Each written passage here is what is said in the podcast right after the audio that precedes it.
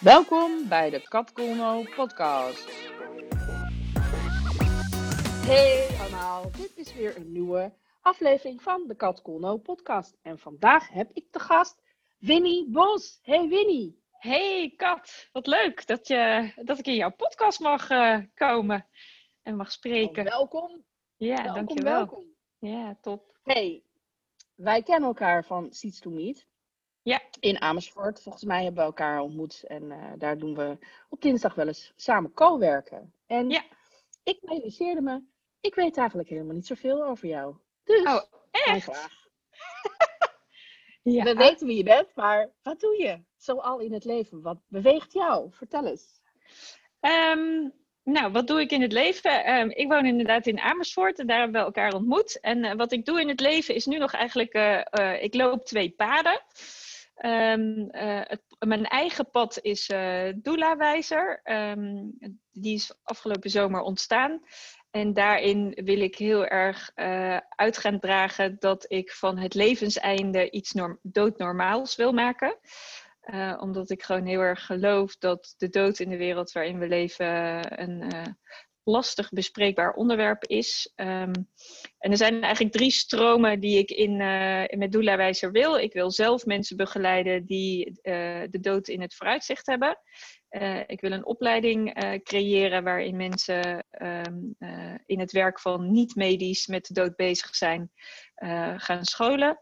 En als derde wil ik een beroepsvereniging oprichten waarin ik voor de mensen die niet medisch met de dood te maken hebben, die wil bundelen. Want het blijkt dat die er niet is. En uh, van de zomer ontstond deze driepoot eigenlijk uh, in mij. En wat daarin bijzonder is om te noemen, uh, ik ontmoette een man waarin ik, waar ik tegenover kwam te zitten en een ochtend samen mee mocht sparren.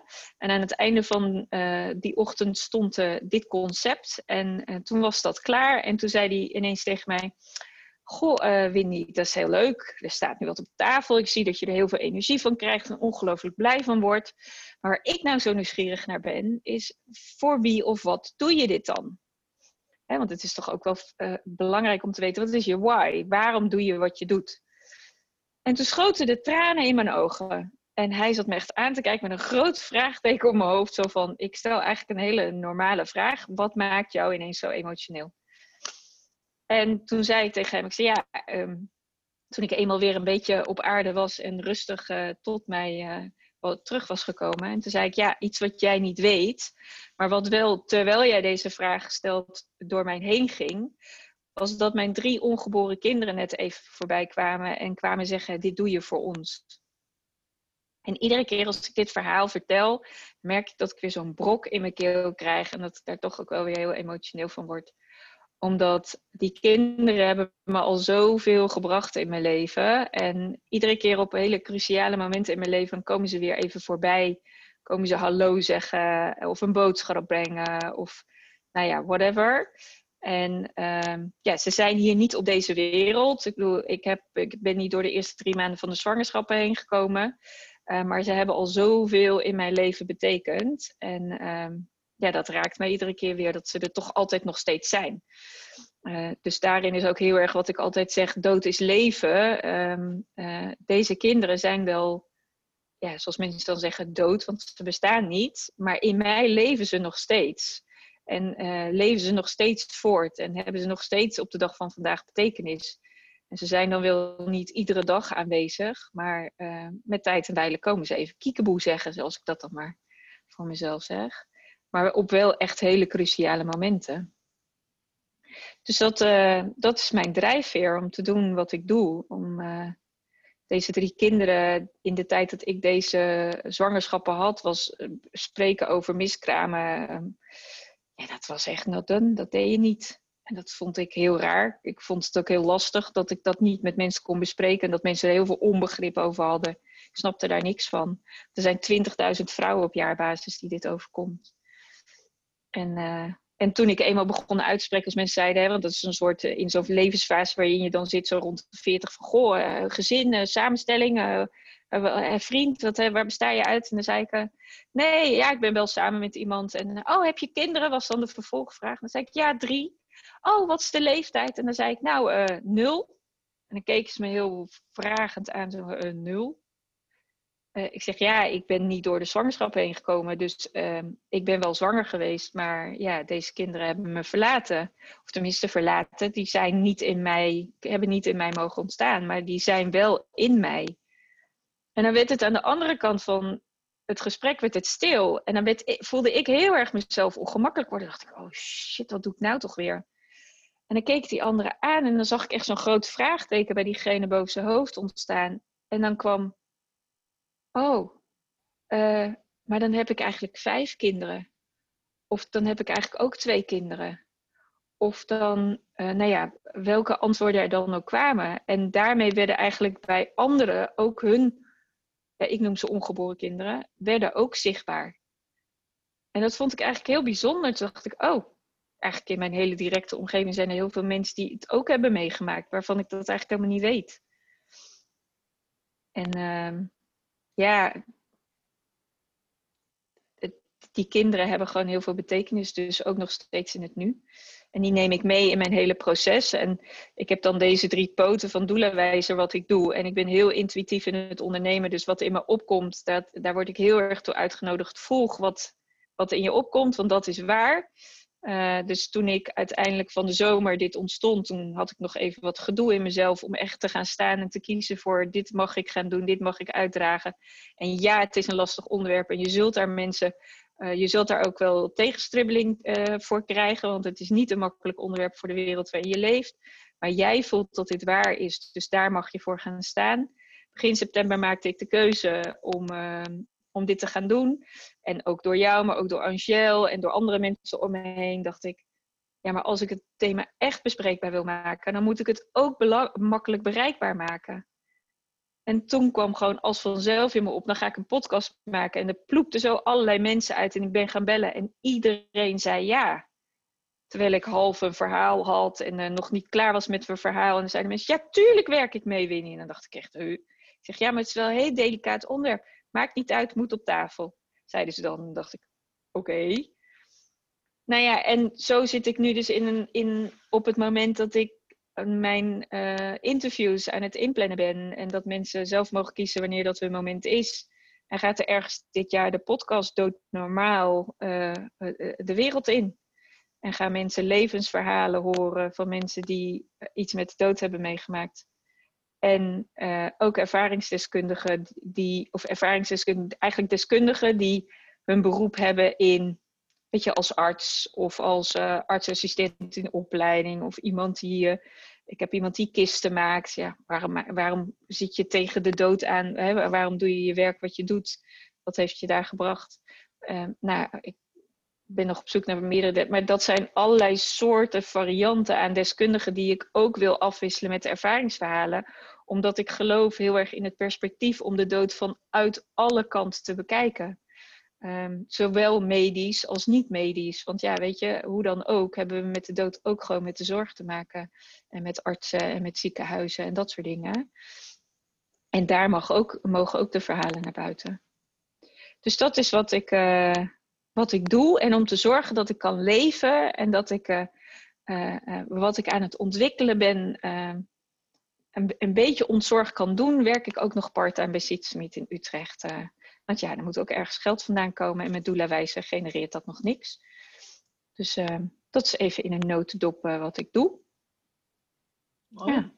Mooi. Nou ja, en ja, weet je, ik, ik vind dat al, altijd al, dat, je, dat de dood hoort bij het leven. Het is de enige zekerheid die je hebt. dat je een keer er vandoor moet. dus ik vind dat altijd heel interessant dat mensen daar sowieso ingewikkeld over doen. En ook over dat het inderdaad, nou ja, dat het een precair onderwerp is. Terwijl ik denk, ja, waarom eigenlijk? Het is heel raar. Dus ik vind het heel mooi dat jij dit, dit initiatief neemt. En ja, ik was een beetje door, ja, weet je, doula, dat, daar had ik een associatie inderdaad mee met, met baby's of met geboren ja. worden. En uh, wat ik uit jouw verhaal begrijp, heel lief dat je deelt ook dit persoonlijke verhaal. Prachtig uh, hoe je dat zo bekijkt. Uh, die drie kinderen die nog bij je zijn. Ja, ik, ja, ik heb daar helemaal geen vraagtekens bij. Ik vind dat een soort, voor mij is dat een soort heel logisch iets. Uh, maar ik snap ook dat andere mensen dat misschien anders zien. Ik, ik, denk, wat mooi.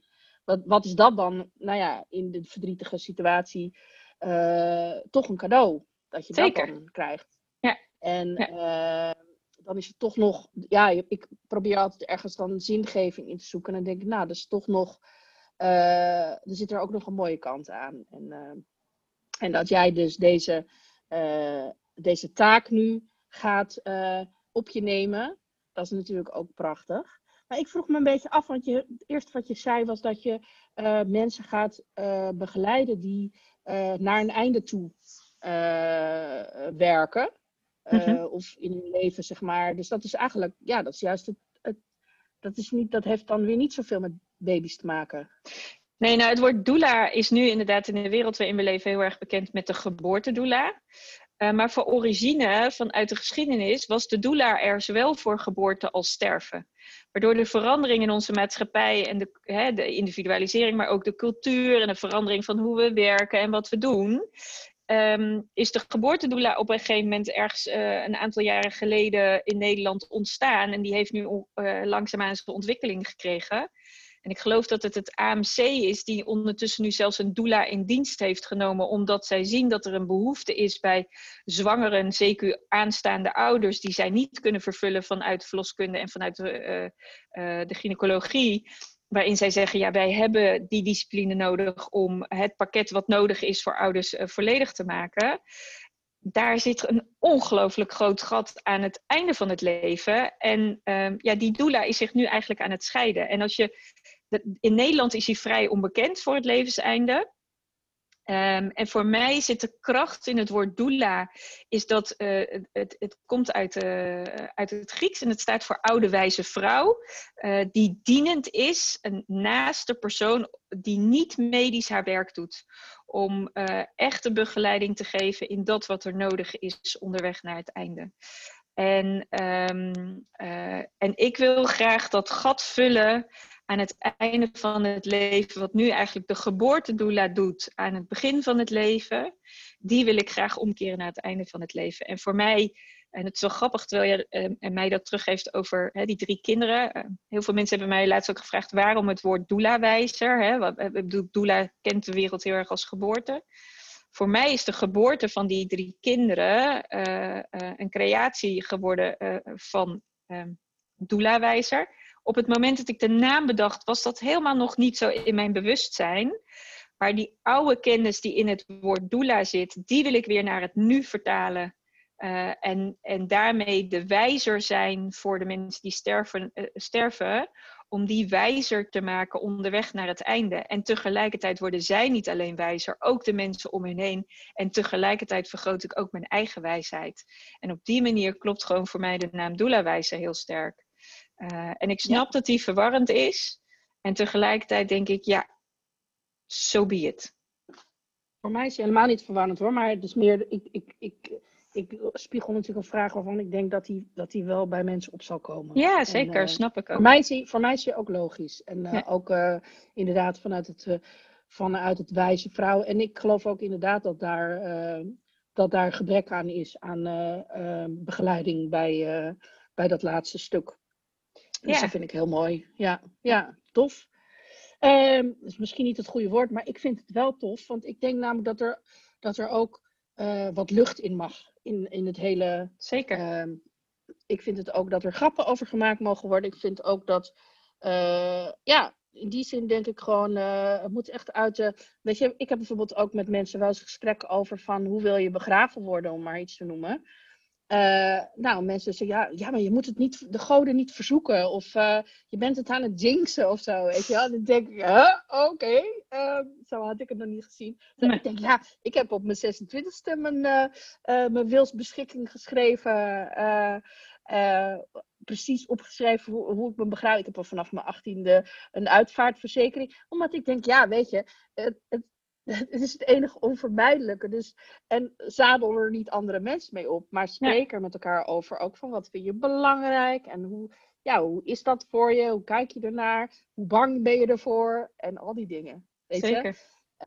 Uh, dus dat, ja, mooi. Dus ik, uh, ik ben altijd voorstander van om er veel over te praten. Dus ik ben heel blij dat jij in mijn podcast bent. Ja. Um, en ik denk dat uh, als het gaat over, over een wijze vrouw zijn voor mensen en jouw levenservaring inzetten om andere mensen te begeleiden, dat dat natuurlijk gewoon goud is. Zeker. Ja, zeker. Ja. En in deze podcast gaat het over goud. En het gaat ook over, over rijkdom en over wat je rijk maakt. Um, maar het gaat ook over de banale dingen, namelijk geld. en um, dat vertelde je net ook al even, dat je hier, nou ja, uiteindelijk wil je hier je geld mee verdienen. Zeker. Uh, dat doe je nu nog bij het werken bij Seed to Meet. Maar ja, geld, geld, geld kan je natuurlijk ook in een hele breed. Mag je wel geld verdienen met de dood? ook zoiets. Maar um, ik vroeg me af, wat is jouw geldovertuiging? Wat heb jij van huis uit meegekregen over geld? Oh, heb je even? oh, dat is echt. Nee, dit, is echt verschrikkelijk. Ik heb het namelijk niet alleen van mijn vaders kant, maar ook nog eens van mijn moeders, moeders kant. Dat is altijd gedoe geld. Daar heb je ruzie over, daar is jaloezie over. Dat mag je pas verdienen als je gestudeerd hebt. Daar moet je hard voor bikkelen, want anders ben je het niet waard. Uh, nou, ik, ik, kan eindeloos doorgaan, dat ga ik niet doen. Dit zegt volgens mij al heel erg eh, waar het over gaat. Ik ben ongelooflijk geïmpregneerd met uh, je bent pas waard als je de kei en keihard voor werkt. En uh, dingen als ziek zijn en al dat soort dingen, dat kon allemaal niet. Behalve als je de dood bij neervalt, uh, uh, dan mocht je thuis blijven. Je moest gewoon altijd gaan. En nou, dat betekent dat ik echt wel heel veel geld gedoe in mijn systeem heb zitten. Daar ben ik me heel bewust van. Daar heb ik ook al heel veel heling in, ge, in gerealiseerd. Ehm, opstellingen mee gedaan. Uh, en tegelijkertijd blijft het altijd een terugkerend issue uh, van ben ik het waard om geld te vragen? En inderdaad, hè, is het, uh, er zullen misschien mensen zijn, hoe durf je om geld voor de dood te vragen? Nou ja, uitvaartondernemingen doen het. Hè? Dus in principe mag je aan de dood geld verdienen. Ehm, ja, weet je, zo kun je alles wel ter discussie stellen of je daar geld aan mag verdienen. Uh, ik denk dat als je meerwaarde biedt in, in de levenskwaliteit van mensen, op welke manier dan ook, en het maakt niet uit in welke fase je zit, dat daar geld tegenover mag staan. Um, en nou, dat gaat naar mij toe komen, dat geloof ik. Uh, en dat moment, wanneer dat gaat zijn, geen idee. Um, maar dat komt, uh, dat voel ik aan alles. Um, maar ja, ik heb ook wel wat, uh, wat gedoe uh, in mijn systeem. En daar ben ik me bewust van, dus daar ben ik me bewust mee op reis. Mooi, ja. Ja, nou ja, dat is, ik denk dat dat voor heel veel mensen geldt. En het is natuurlijk altijd, ja, als je dat meegekregen hebt van ik moet hard werken voor mijn geld. En je gaat in één keer doen wat je, ja, wat je hart ingeeft. Dan, ja, dat is hard werken met een T voor je geld. Dat is precies. Ja, precies. Um, ja, als je geld hebt, Winnie, waar geef je het dan uh, aan uit? Waar geef je het graag aan uit en waar geef je het aan uit? Um, nou, ik vind eigenlijk waar ik mijn geld het allerliefst aan uitgeef, zijn aan belevingsdingen. Um, het is hetzelfde met cadeautjes geven. Mensen krijgen eigenlijk van mij nooit fysieke cadeautjes. Uh, hè, weet je, een, een, een douchecrème of weet ik. Ik vind dat echt zo dat ik denk, jongens, kom op, kan je nou niets beters verzinnen? Dus ook voor mezelf, maar ook voor anderen, ik koop altijd ervaringen. Een, een cadeautje moet een ervaring zijn. Dus ook waar ik zelf mijn geld aan uitgeef, het liefst wil ik een ervaring beleven met dat waar, waar ik mijn geld aan spendeer. Um, want ik wil iets beleven. Ik wil het zelf meemaken om, te, om ervaren te hebben en dan weer te integreren in mijn eigen leven. Uh, dus als ik geld heb, dan uh, is, uh, ja, los van dat ik natuurlijk mijn terugkerende uitgaven heb, die ik trouwens geen vaste lasten wil noemen, want dat klopt voor mij niet, denk ik. Het zijn gewoon terugkerende uitgaven eh, die ik heb. Um, uh, en soms is, zijn er ook gewoon fysieke dingen voor nodig. Ik, ga een podcast maken. Ja, daar heb ik wel dingen voor nodig. Uh, en dan koop ik die ook. Want uiteindelijk gaat dat een toevoeging zijn voor de ervaring die ik daarmee weer ga beleven. Dus eigenlijk, ja, een en al ervaringsuitgaven is wat ik het echt het allerliefste doe. Cool. Ja, ik ook trouwens, dat ken ik wel. En wat mooi wat je zegt over die vaste lasten. Um, ja, want als je zegt van het is een last, dan voelt het als een zwaarte. Terwijl je krijgt er misschien wel een tof huis voor terug. En je krijgt er warmte in je huis voor terug. En je krijgt, ja. je krijgt er water uit je kraan voor terug. Dat is helemaal geen last. Dat is een cadeau. Precies. Wat je Ja. gewoon, waar je gewoon geld voor in ruil doet. Dat is Ja. helemaal wat de afspraak is. Ja. ja mooi. mooi. Ehm, en als jij, nou stel nou dat je nog één, ik weet niet of jou dat zou overkomen, maar stel dat je nog één tientje hebt eh, voorlopig te spenderen. Waar, wat zou je dan daarmee doen met dat tientje? Ja, ik denk, ik denk dan loop ik naar de winkel en koop ik een paar grasloten. dan hoop ik dat er geld uit voortkomt. En waarvan ik waarschijnlijk weet dat dat niet het geval is.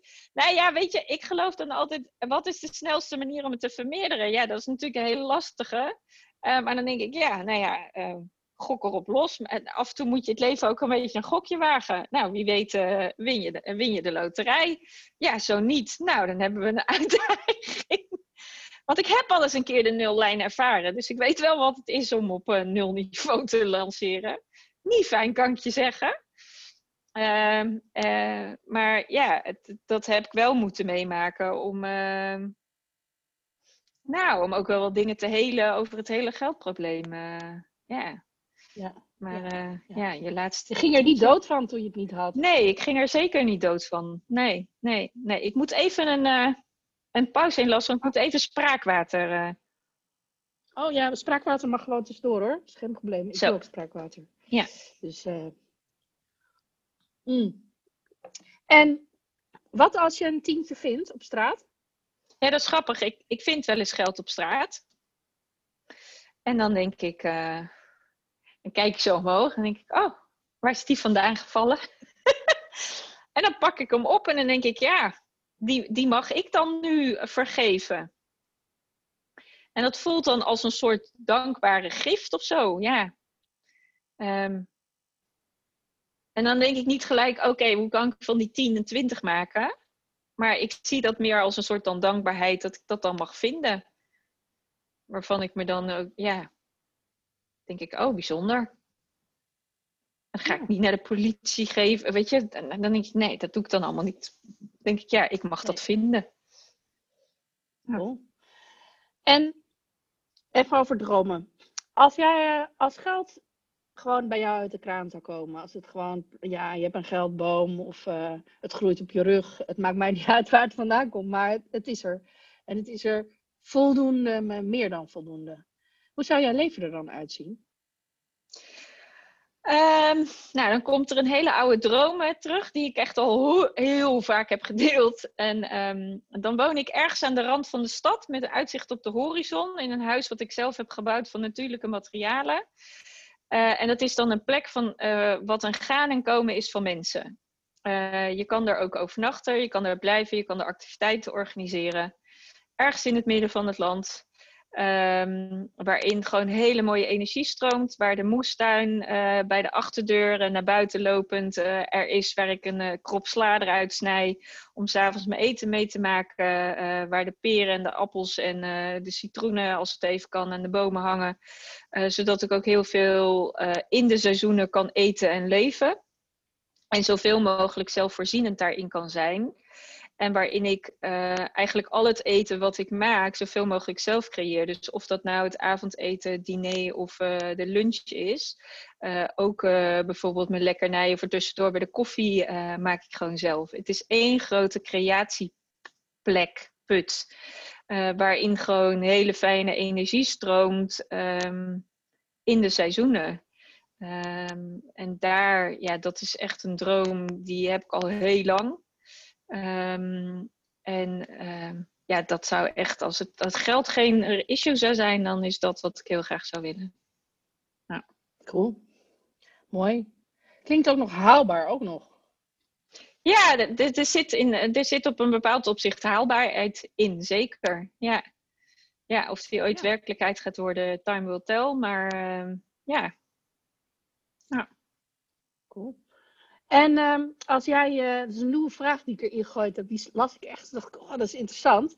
Ehm, als jij de enige op aarde zou zijn, wat zou je dan doen? Doe je dan wat je nu ook doet, of doe je, ga je dan iets anders doen? Ehm, Nou ja, het grappige is, ik zou het helemaal niet zo erg vinden als ik de enige op aarde zou zijn. Want ik ben op zich wel heel erg ook een individueel persoon van gewoon van, eigen, van eigenheid, zeg maar. Ik, ik ben heel individueel ingesteld. Uh, dat is niet in de zin van dat ik geen mensen om me heen wil hebben, maar ik, ik kan heel goed op mezelf zijn en met mezelf zijn. Ik vind mezelf een prettig gezelschap, uh, om het maar zo te zeggen. Um, maar wat ik wel merk aan ook uh, ondanks dat dat de feitelijkheid is, ik kan eigenlijk niet zonder mensen. Maar goed, als ik de enige ben op de wereld, ja, weet je, het dierenleven zal er zeker zijn. Want dat kan gewoon niet alleen, dat kan er niet niet zijn, zeg maar. De natuur is er dan ook. Want anders is er echt geen plek waar je moet leven. Ik denk dat ik daar dan heel erg de verbinding mee ga zoeken en ga ervaren wat, wat, eh, wat de natuur en wat de dierenwereld die daarin zich begeeft, ja, wat die mij dan wil komen brengen. En wat daar dan uit ontstaat, I really don't know. En dan zit ik ook wel heel erg in elkaar dat ik denk, ja, dan ontstaat er wel wat er dan weer nodig is. Ja. Ja. Mooi. En um, ja, de key question in deze, deze podcast altijd. Wat maakt jou rijk? Oh, um, ja, dat is eigenlijk, ik vind het eigenlijk zo simpel. Kijk, rijk maakt mij dat ik een dak boven mijn hoofd heb, ongelooflijk veel mooie mensen om me heen hebben, heb, heb ja, ongelooflijk veel mensen om me heen heb die in energie resoneren, die dus een, zeg maar, soort van op dezelfde golflengte zitten. Uh, daar word ik ongelooflijk door gevoed. Uh, ik, ik, heb zo, ik heb ook zo'n quote: wie goed voedt, goed ontmoet. Uh, omdat ik heel erg mij daarmee heb gerealiseerd. Want we zeggen altijd wie goed doet, goed ontmoet. En dan denk ik, nee, het zit hem niet in het doen, het zit in het voeden van jezelf. En dat voeden gaat heel erg over uh, je omringen met de energie die je nodig hebt. En, uh, en dat geeft zoveel rijkdom, want als je je omgeeft met de mensen die op, je, op dezelfde golflengte zitten, maar die je ook uitdagen en die je challengen uh, want zelfde golflengte wil niet altijd zeggen dat je hetzelfde bent. Ja, jongens, dan word je toch, uh, dan krijg je toch een, een uitdaging op je pad. En uh, dan kunnen de dingen gaan stromen. Dat is, dat is ongekend. Dat is echt ongekend. En natuurlijk komen er dan challenges op je pad en ga je uitdagingen aan. En de rijkdom die ik daar dan in vind is, kun je dan alles wat je ziet wat op je pad komt uh, bekijken als dat het een cadeautje is wat uitgepakt wil worden. En dat daar kennis in zit die jou weer wil helpen om je verder te brengen. En de vraag is of je dat iedere, dat, iedere keer als dat gebeurt kan zien. Meestal is dat niet zo. Uh, dan heb je het soms 20 keer of misschien wel 30 keer nodig. En heb je het al die 29 keer daarvoor niet gezien. Doet er ook niet toe. Maar iedere keer als je hem wel ontmoet en je denkt yes, dan pak je hem aan, je pakt hem uit, je doet ermee wat er nodig is en dan ga je weer. En dat is echt mijn manier van rijk leven. Uh, want op die manier kan ik mij verrijken. En ja, dat, dat ja, ander leven kan ik me niet voorstellen. Dus nee. dat is voor mij rijkdom. Mooi. En uh, wat is jouw goud? Mijn goud? De grootste goud, ja. Nou, dat, dat de dood, hoe gek dat ook klinkt, echt zo'n rode lijn in mijn leven is. Ik bedoel, dat is al begonnen toen ik uh, uh, kind was.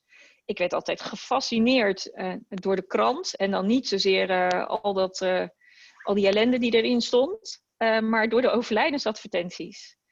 En ik puzzelde echt alle kranten die we hadden. Het plaatselijk krantje, wij, mijn ouders waren volgens mij geabonneerd op de Telegraaf. Nou, die en als ik dan bij vrienden was, dan werd daar een krant eh, uit de, uit de kast gerukt. En ik letterde echt letterlijk de overlijdensadvertenties uit. Ik heb nooit begrepen waarom ik dat deed, maar dat deed ik. En wat ik daar dan altijd fascinerend aan vond, is dan ging ik kijken of er originele namen in zaten van al die mensen die daar dan in genoemd werden.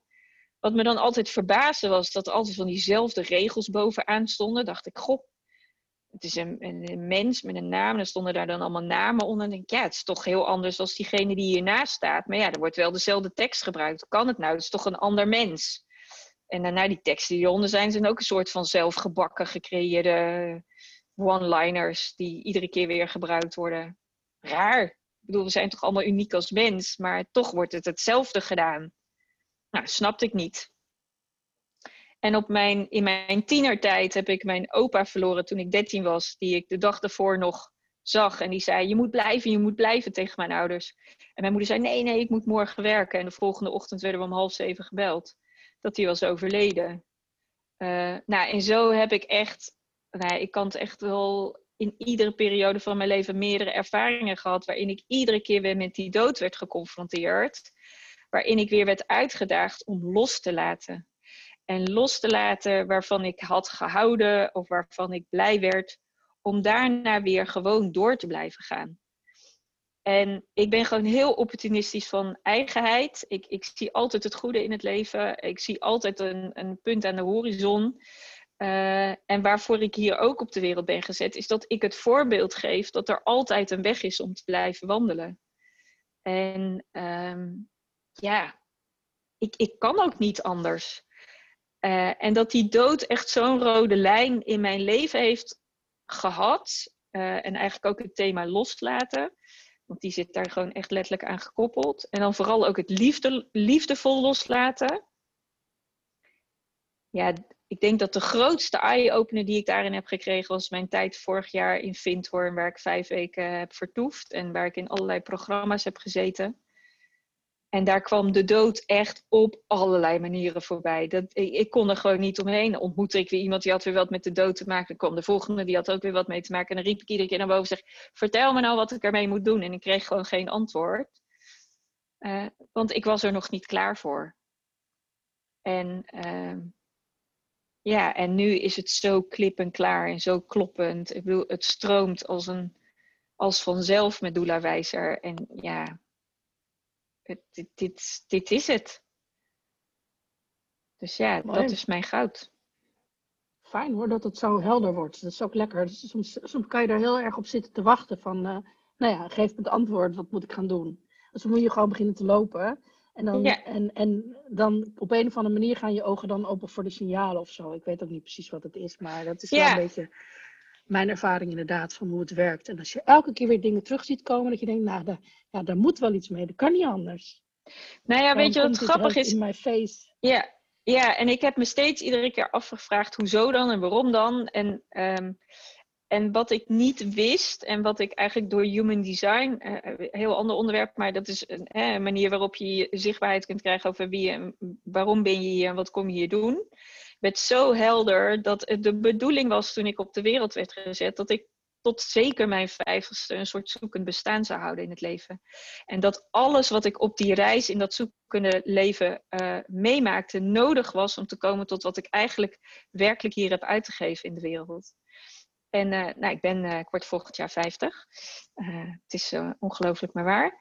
En nu voel ik echt, ik ben nog niet tot tot het moment suprem, zeg maar, van waar ik nu met de dood mee bezig ben. En er gaat volgend jaar iets gebeuren. Ik snap helemaal niet wat dat dan is, maar zo voel ik dat heel erg. Um, en ik ga het ontdekken wat dat gaat zijn.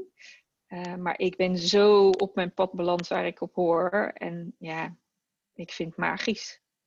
Echt magisch. Ja, mooi. Ja. En wat je omschrijft is natuurlijk eigenlijk een beetje, ja, zoals ze dat noemen, de hero's journey. Hè? Dat je dus, uh, ja, sowieso een soort, soort kweeste gaat doen naar de Holy Grail, of hoe je het ook wil noemen, of het antwoord, of de, de nou ja, maakt niet uit wat het symbool is, maar de, de wijsheid die je nodig hebt om dan uiteindelijk weer terug te geven aan anderen. En die wijsheid die moet je in een bepaalde tijd vergaren. Ja. En de een doet daar 50 jaar over, en de ander 20 jaar en de ander 100 jaar. En uh, ja. dat is hoe het is.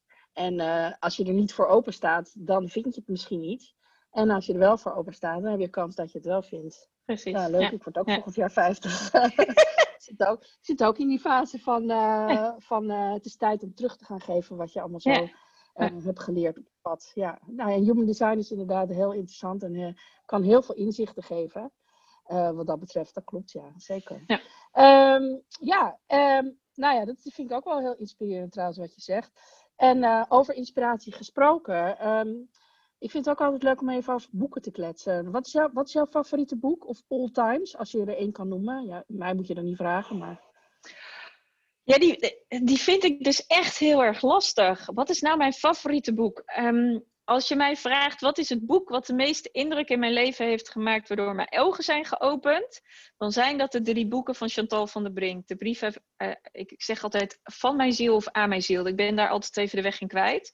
Uh, maar zij heeft drie boeken geschreven over haar levensverhaal. Uh, een vierde is in de maak, zag ik laatst. Um, en die hebben zo mijn ogen geopend, omdat ik voordat ik die boeken, uh, voordat die boeken nog niet op mijn pad kwamen, ik altijd zo'n soort vraag in mijzelf altijd. Waarom gebeurt me dit? Waarom is dit zo? Waarom is ze. Weet je, het, ik, ik snapte er niks van, laat ik het zo zeggen. Ik, ik, er was een stuk in mij die niet zo goed het leven begreep. Dan dacht ik, ja, oké, ik hoef het leven ook niet te begrijpen. Maar, en toch bleef er, ik wil het begrijpen, uh, in mij rondzingen.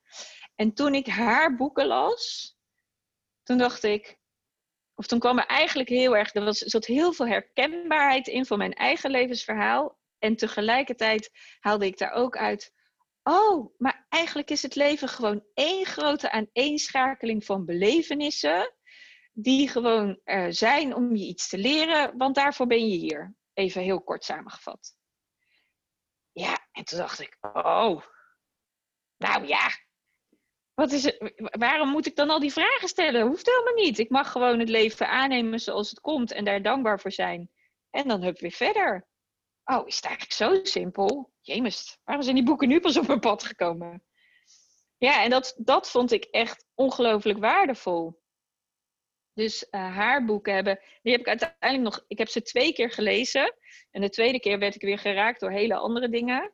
En ik heb niet veel boeken thuis, want ik vind boeken moeten gelezen worden. Dus ik geef ze ook altijd weer door. Want die boeken zijn er niet om te verstoffen, maar die mogen dan weer gelezen worden. En die boeken kan ik gewoon niet wegdoen. Want ik heb ook het gevoel, die mag ik nog een keer lezen. En dan komt er weer een andere dimensie uit die boeken naar boven. Dus ja, als je het hebt over favoriet, dan uh, die drie. Nou, dat lijkt me heel helder hoor. Dat lijkt me heel helder. We zetten, we zetten de titels even in de show notes. Dan ja. kunnen mensen die hierdoor geïnspireerd worden het ook even checken. Ja. Um, ja, nog meer inspiratie. Heb jij ook iemand die een voorbeeld voor jou is? Ja, dat vind ik dus echt zo'n kul. Nee.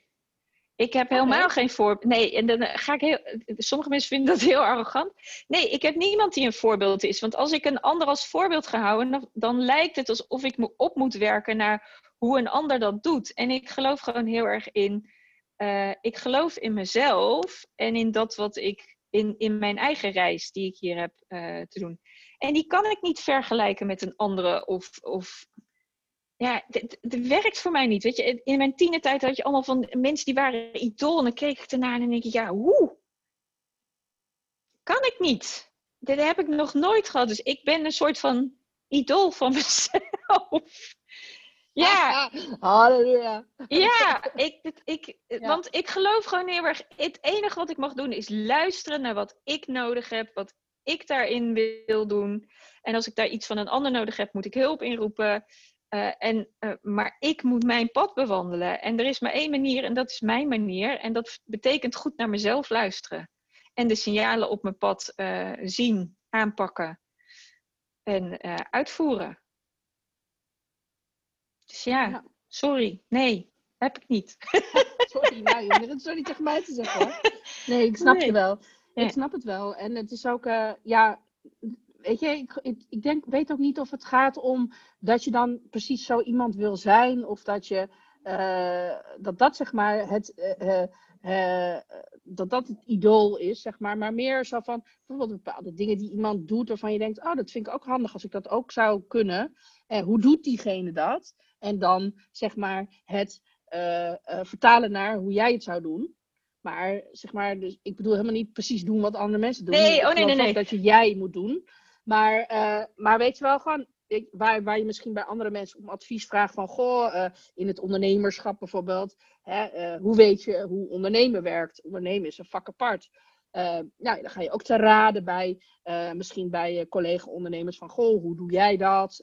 en als je dan iemand ziet waarvan je denkt, oh, die, die doet dat wel, ja, die is wel goed op zijn eigen pad of haar eigen pad bezig. wat doet diegene? En zou ik dat dan misschien ook kunnen doen, modelleren, zoals dat dan in NLP noemen. Ja. Um, en ja, weet je, heel gaaf als je het gewoon uit jezelf haalt. Um, Maar heel veel mensen hebben het wel een beetje nodig om een soort van, uh, ja, een beetje van jezelf en een beetje van magie, om het zo maar te zeggen. Nee, maar wat, wat ik een beetje merk, wat het, wat het woord idool, zeg maar, doet, is, dat zie je nu ook heel veel bij, bij de jongeren, zeg maar, dat, dat mensen een idool op een voetstuk zetten. En dat dat een soort, dat dat een haalbare kaart moet worden. En die uh, en ik snap dat jij niet die definitie bedoelt, maar die is wel heel vaak die aan het woord idool wordt gekoppeld. En die klopt voor mij niet. Want dan denk ik, uh, niemand hoeft op een, stand, uh, op een standbeeld te worden gezet.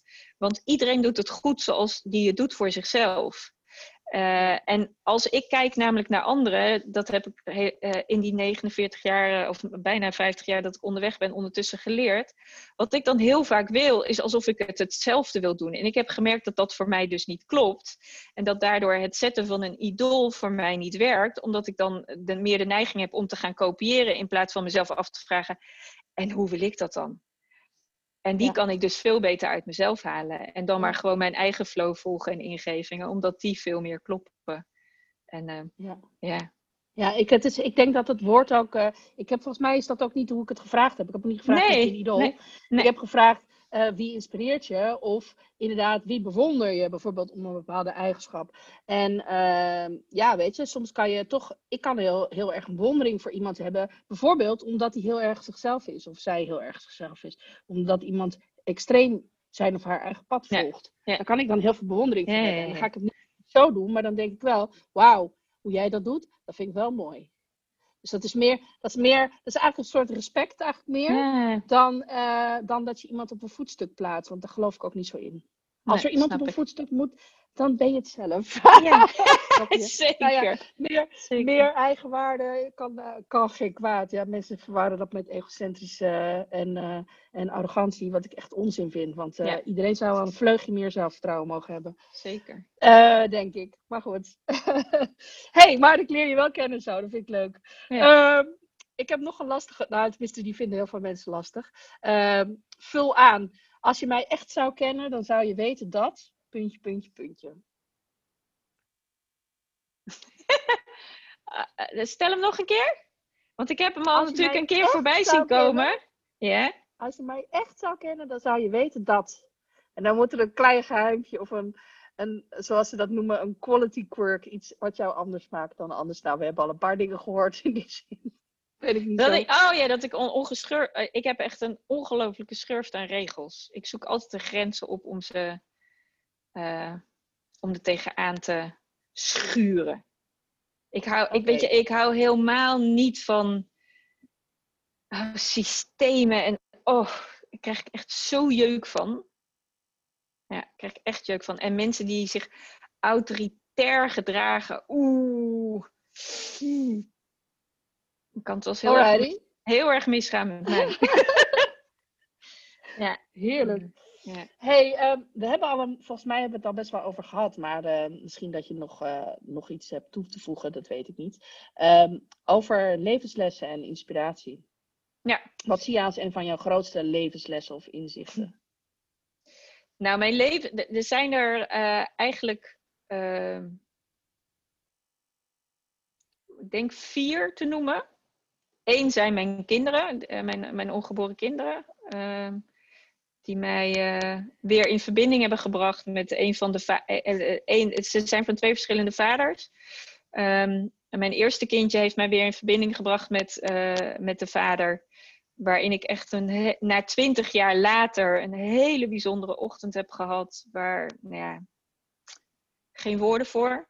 we hadden elkaar in twintig jaar niet gesproken. En we hebben echt een halve dag contact met elkaar gehad, magisch. Ik maakte ook uiteindelijk aan het einde van de ochtend dat we met elkaar door hadden gebracht een foto, die zette ik op Facebook.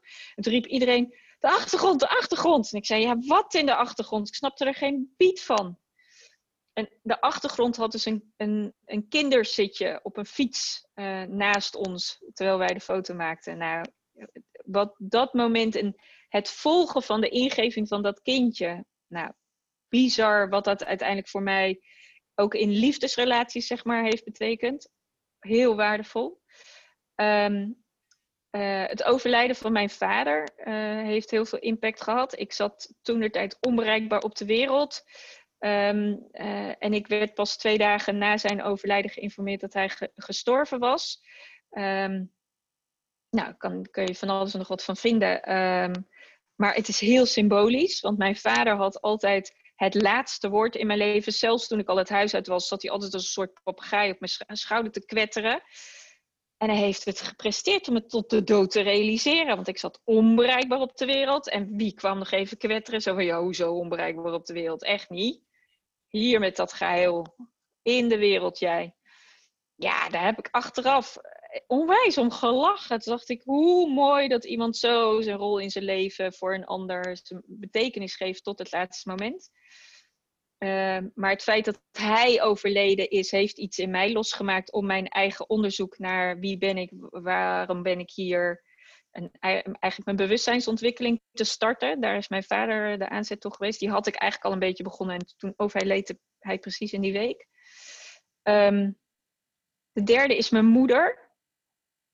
Die is uh, vijf jaar geleden overleden. Um, en die besloot, um, wij hadden al vrij lang geen contact meer. Uh, Zo'n zeven jaar dat we elkaar niet meer spraken. Nooit uitgesproken waarom wij geen contact meer hadden. Dat is gewoon, uiteindelijk namen we geen contact meer met elkaar op. Um, en ik, werd, uh, ik zat op uh, vrijdagochtend, ik weet nog heel goed, 18 september bij koffietijd aan tafel voor mijn vrijwilligerswerk bij Women Inc heel mooi gesprek over de tafel van één. Een fantastische ochtend. Ik rij naar huis, ik kom thuis, ik wil mijn lunch gaan maken en ik word gebeld door een privénummer. En alles in mij zei opnemen, want normaliter neem ik privénummers niet op. En ik neem op en ik krijg ineens mijn zusje aan de telefoon, die ik ook al in jaren niet gesproken had. En ik krijg een officiële zakelijke mededeling dat mijn moeder is overleden, is gestorven een week daarvoor. Uitvaart heeft plaatsgevonden, dat zij executeur testamentair is. En dat het testament me wordt toegestuurd. En toen was het klaar met haar boodschap. En toen had ik echt zoiets aan de telefoon. Uh, wat, wie, waar? Dus ik, werd, ik raakte gewoon in shock. Um, nou ja, dan, iedereen vindt er wat van als ik dit verhaal vertel. Ik ben er ook al wel een paar keer mee in de media geweest. Um, en vanochtend had ik daar een heel bijzonder gesprek over met iemand die zei: Nee, je moet niet je moeder dankbaar zijn, maar je moet jezelf dankbaar zijn. En die vond ik wel, dat gaf een andere kijk op deze ervaring. Ja, ik ben mijn moeder dankbaar dat ze gedaan heeft wat ze heeft gedaan. Wat heel gek klinkt, want het is heel rigoureus wat ze heeft gerealiseerd. Want uiteindelijk kwam ik erachter dat ze me ook van de rouwkaart heeft verwijderd. Daar stond ik niet op. En ze me uiteindelijk onterfd heeft. En onterven in Nederland kan tot in die zin zover dat je alleen nog een legaat moet toekennen. En daarin heeft mijn moeder ook gerealiseerd dat ze zo min mogelijk nog mijn kant op liet stromen. Uh, dus dat voelt, dat voelt voor mij heel erg als onterven. Um, maar ik ben dankbaar dat zij mij eigenlijk door hoe zij dit heeft gedaan ongelooflijk heeft wakker geschud. En ik ben mezelf dankbaar dat ik ervoor heb gekozen om alle shit die daarmee loskwam, aan te kijken, aan te pakken, te doorleven en te zeggen: Oké, en ik ga hier geen strijd mee voeren, maar ik ga hier keuzes in maken in het, het positieve. En dan komt dat opportunistische weer in mij boven, waarin ik gewoon er het goede uit ga halen. En niet het slechte wat erin zit, want dat, kan, dat klopt gewoon niet. En um, ja, dat, dat, ja, dus daar ben ik haar dankbaar voor, maar ook mezelf dankbaar voor dat ik die keuzes heb gemaakt. En ik zei, het zijn er vier. En nou ben ik even kwijt wat dan nummer vier is. Dus dat is interessant. Uh, mijn kinderen, mijn vader, mijn moeder. Oh ja. En de vierde is dat ik bij een relatie die ik voor tien jaar heb gehad en een relatie die ik drie jaar heb gehad, ervoor heb gekozen om die allebei liefdevol los te laten. En daar de tijd voor te nemen en daar een ceremonie voor te bedenken hoe we dat dan liefdevol kunnen loslaten. Ja, goud als je dat kan. Dat is zo onge... Ik, heb het echt als zo waardevol ervaren om op die manier een relatie los te laten. Daar heb ik gewoon geen woorden voor. Dan krijg ik nu nog een brok van in mijn keel.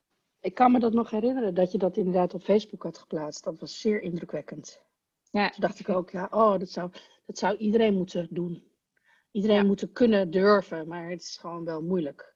Maar het is ook, ja, als je dat kan, uh, sowieso, nou, dat gaat ook weer over loslaten. Mooi hoor, dat het weer terugkomt. Ja. Komt echt terug in alles, leuk. Ja. ja. Leuk, leuk, en dat bedoel ik dus leuk als in interessant, want ik vind dat dan heel boeiend. En dan denk ik van, ja, weet je, liefdevol loslaten en, en niet echt een strijd van maken of uh, ja, weet je, je kan in, ja, mindset is natuurlijk alles. Weet je, wat je overkomt, daar heb je geen invloed op, maar je hebt wel invloed op hoe je ernaar kijkt. Ja, nou, dat blijkt wel uit jouw verhaal en dat vind ik wel heel mooi dat je dat hiermee ook heel duidelijk illustreert. Ja. Want je had zoveel andere keuzes kunnen maken. Zeker. Ja, en wat er nu in mij, in mij opkomt, er is eigenlijk nog een vijfde. Ik heb uh, bijna tien jaar in de uitvaartverzorging gewerkt. En daar heb ik ook heel erg geleerd dat het een keuze is om voor het leven te kiezen. Uh, want al die verhalen die ik heb gehoord en alle verschillende scenario's die ik daarin heb meegemaakt, heb ik ook het verschil ervaren. Wat doet het met mensen als je het hebt gehad over de dood? En wat doet het met mensen als je het niet hebt gehad over de dood? En wat doet het met de mens die weet dat het einde in zicht is en die er dan voor kiest om daar alles in te regelen, of zoveel mogelijk wat zij vinden dat ze erin moeten regelen, om te zorgen dat het voor zichzelf en voor de, eh, mensen om hen heen goed georganiseerd achterblijft? En ik heb heel veel voorgesprekken gehad met mensen. En uh, die voorgesprekken gingen dan eigenlijk 9 van de 10 keer meer over wat doet het met je dat je weet dat je doodgaat. Uh, en wat doet dat dan met jou, met je uh, omstanders, met de situatie waarin je je begeeft, misschien een relatie, kinderen, nou, noem het allemaal maar op. En, um, en dan aan het einde van het gesprek, oh ja, maar by the way, het was ook zo, je kwam hier om ook nog wat uitvaartdingen door te spreken ik had altijd gewoon meer van die levens, ja, soort levensverhaalgesprekken met die mensen. Waarin ik dan aan het einde van het gesprek nog ook even wat praktische dingen van, oh ja, hoe zit het dan met een uitvaart en wat kan ik daar dan voor regelen en wat is daarin belangrijk, dan ook nog wel met ze doornam. Uh, en ik heb van die mensen zoveel geleerd. Ja, het is echt, eh, heb ik, een, het was, ik vond het ook een moeilijke tijd, want ik vond het niet altijd even plezierig om zo in your face met bepaalde situaties geconfronteerd te worden. Maar als ik nu terugkijk, dan denk ik, het is zo'n mooie leerschool geweest over mijn eigen bewustzijn en over ook hoe ik nu in het leven sta. Ja, ja. en daardoor heb je ook een helder beeld, denk ik, wat er nodig is. Ja. En blijkt dat dus iets anders te zijn als dat, uh, dat er standaard wordt geboden Precies. Als in praktische tips en dat soort dingetjes. Ja, zeker. Het gaat allemaal even net wat dieper. Ja. Um, ja, wat brengt mij op het thema veerkracht? Een van mijn lievelingsthema's. Um, hoe zie jij dat? Wat is voor jou veerkracht en, en kan je dat leren? Oeh, um, kan je dat leren? Ja, ik denk dat als je ervoor open staat, dat, je, uh, dat alles te leren is. Maar dat vraagt wel een openheid en een kwetsbaar durven opstellen en verantwoordelijkheid nemen uh, van jezelf. En dat, dat is niet voor iedereen altijd even makkelijk. Maar ik denk dat als je dat wil en als je dat kan en ook doet, dan is er wel heel veel mogelijk. Cool.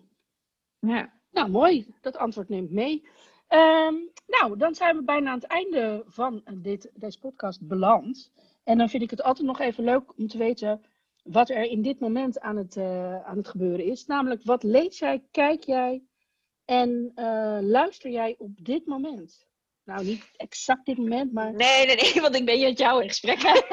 ja, precies. Ja, precies. nou ja, het is grappig. Ik heb het boek meegenomen. Dit is het boek wat ik nu aan het lezen ben. Ik zal, uh, het heet De meeste mensen gaan hier dood. Uh, het is van Katja Meertens. Uh, gaat over het leven in een hospice. het is oh. um, al, al, wel een vrij oud boek. Een, een boek uit 2011. Um, maar het is een boek geschreven over de grootste hospice in Nederland. Het zit ergens in Rotterdam. Um, en daar vertelt ze eigenlijk verhalen over mensen waarmee ze in contact is geweest die in een hospice uh, terecht zijn gekomen. Nou ja, in het kader van mijn werken vind ik dit soort boeken uh, interessant om te lezen.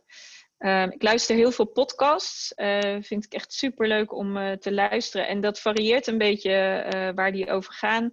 Um, die kunnen heel erg over persoonlijke ontwikkeling gaan, maar ook thema's die ik dan zie bij favoriete podcasts die ik heb, waarvan ik denk, oh, interessant, wat heeft die te vertellen?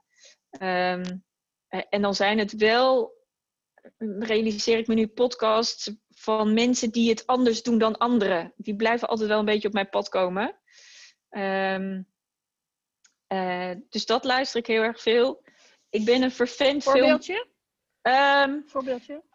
Uh, Pieter Pot, de, de, de online, um, uh, de jongens die online verpakkingsvrij winkel mogelijk maken.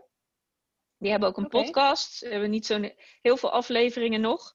Maar die laten dan ook weer soortgelijke ondernemers als zij aan het woord over hoe zij hun pad hebben bewandeld. En ja, vind ik heel inspirerend. Want zij doen het echt anders dan de reguliere ondernemingen. En dan denk ik, ja, het oude systeem werkt gewoon niet meer. Um, Oké. Okay. Dus in dat opzicht vind ik dat heel erg mooi. Maar ook bijvoorbeeld de eindbazen vind ik interessant. Niet alle afleveringen van hun, maar Rauw van Ruud Wild vind ik echt fantastisch. Maar ook echt gebeurd vind ik af en toe hilarisch om die echt gebeurde verhalen te horen. En dan lig ik helemaal in de kreuk van het lachen.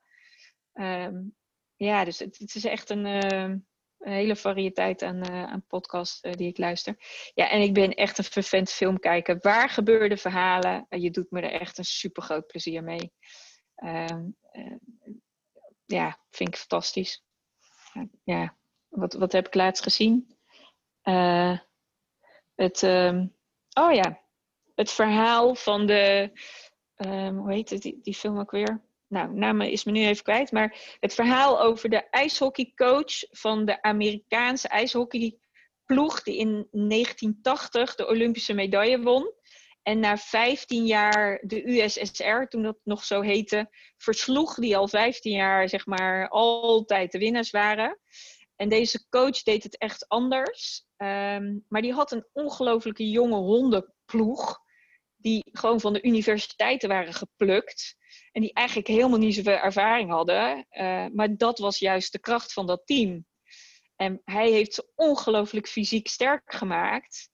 Uh, en geloofde heel erg in zijn manier van doen. En hij werd door iedereen, dat kan helemaal niet, dat kan niet. En hij had echt zoiets, echt wel. En hij bleef gewoon in zijn eigen pad geloven.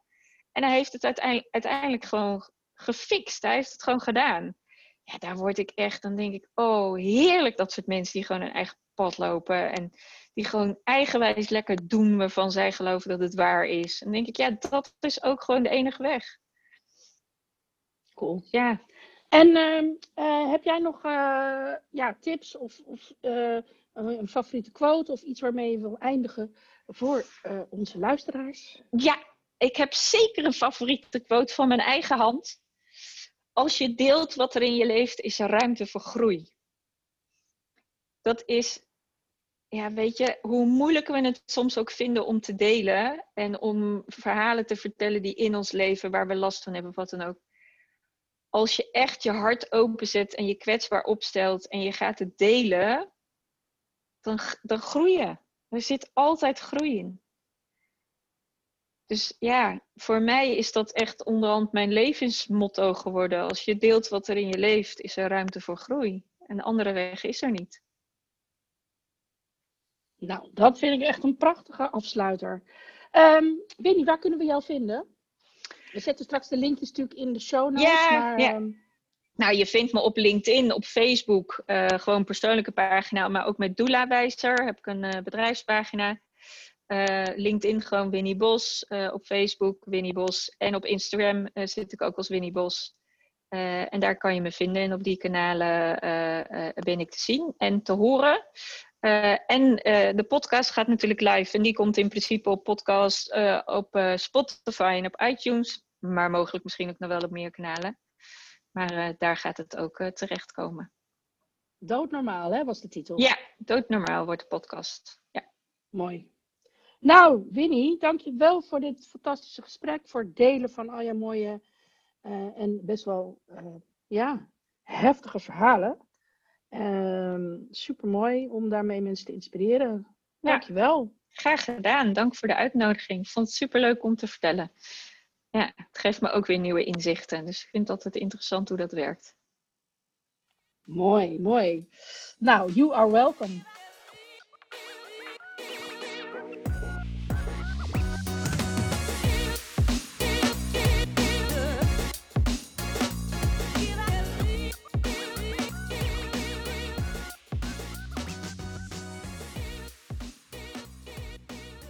Dankjewel voor het luisteren naar deze podcast. Mocht je willen connecten of meer informatie willen hebben, dan kan je me vinden op LinkedIn en op Instagram, katkolno, aan het eind. Tot de volgende keer. Ciao.